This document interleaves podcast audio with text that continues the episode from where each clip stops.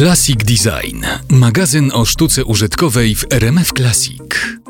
Sztuczna inteligencja w mijającym roku mocno weszła także w świat projektowania. Jedni ją chwalą, inni ganią i boją się takiej konkurencji. Jeden z najbardziej cenionych polskich architektów, Bogusław Barnaś, w tym roku właśnie po raz pierwszy zaprosił sztuczną inteligencję do współpracy. Co z tego wyszło, panie Bogusławie? Poprosiliśmy sztuczną inteligencję o generowanie rzutów dla naszych wnętrz mieszkalnych Mhm. i muszę powiedzieć, że właściwie wszystkie rzuty wygenerowane, wszystkie układy funkcjonalne mieszkań, które wygenerowała sztuczna inteligencja, odrzuciliśmy. Wygrała ta praca e, ludzka, E, natomiast e, bardzo dobrze sztuczna inteligencja się sprawdziła w napisaniu streszczenia opisu projektu, który miał mniej więcej trzy strony. Musieliśmy zrobić opis, który był sześć razy krótszy i to jeszcze w języku angielskim. I rzeczywiście sztuczna inteligencja zrobiła to zaskakująco dobrze. No tak, tutaj każdy zjadacz chleba może się tym posiłkować, prawda? Nie tylko architekt. Tak. Ja myślę, że rzeczywiście można się tego bać, można tą sztuczną inteligencję lubić lub nie, natomiast ja myślę, że no nie ma innej drogi. To jest tak jakby powiedzieć sobie, że nie będę nigdy korzystał z internetu i to jest niemożliwe, e, żeby ludzie zaczęli robić zakupy przez internet, bo przecież wszystkie galerie handlowe by upadły. Tak samo jak w tej chwili e, sztuczna inteligencja e, staje się i stanie się codziennością,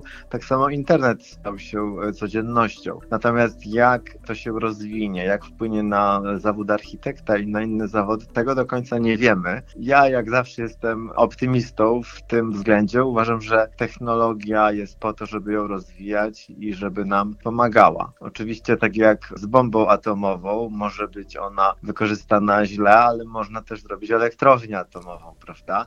I tutaj wydaje mi się, że będzie podobnie, że ta rewolucja będzie jeszcze większa. Są też głosy, że w perspektywie najbliższych 50 lat sztuczna inteligencja pozwoli nam wrócić do stylu życia, jaki wiedli nasi praprzodkowie. Pracowali oni 2-3 godziny dziennie, spędzali z sobą dużo czasu, zbierając jagody i polując na mamuta raz na miesiąc. Jak dojdzie do odtworzenia mamuta, a ma to się stać niebawem, kto wie, może to wszystko się ziść. Cała rozmowa z Bogusławem Barnasiem na temat sztucznej inteligencji już wkrótce w podcaście na rmfclassic.pl Classic Design. Zapraszam. Classic Design w RMF Classic projektuje Dariusz Stańczuk.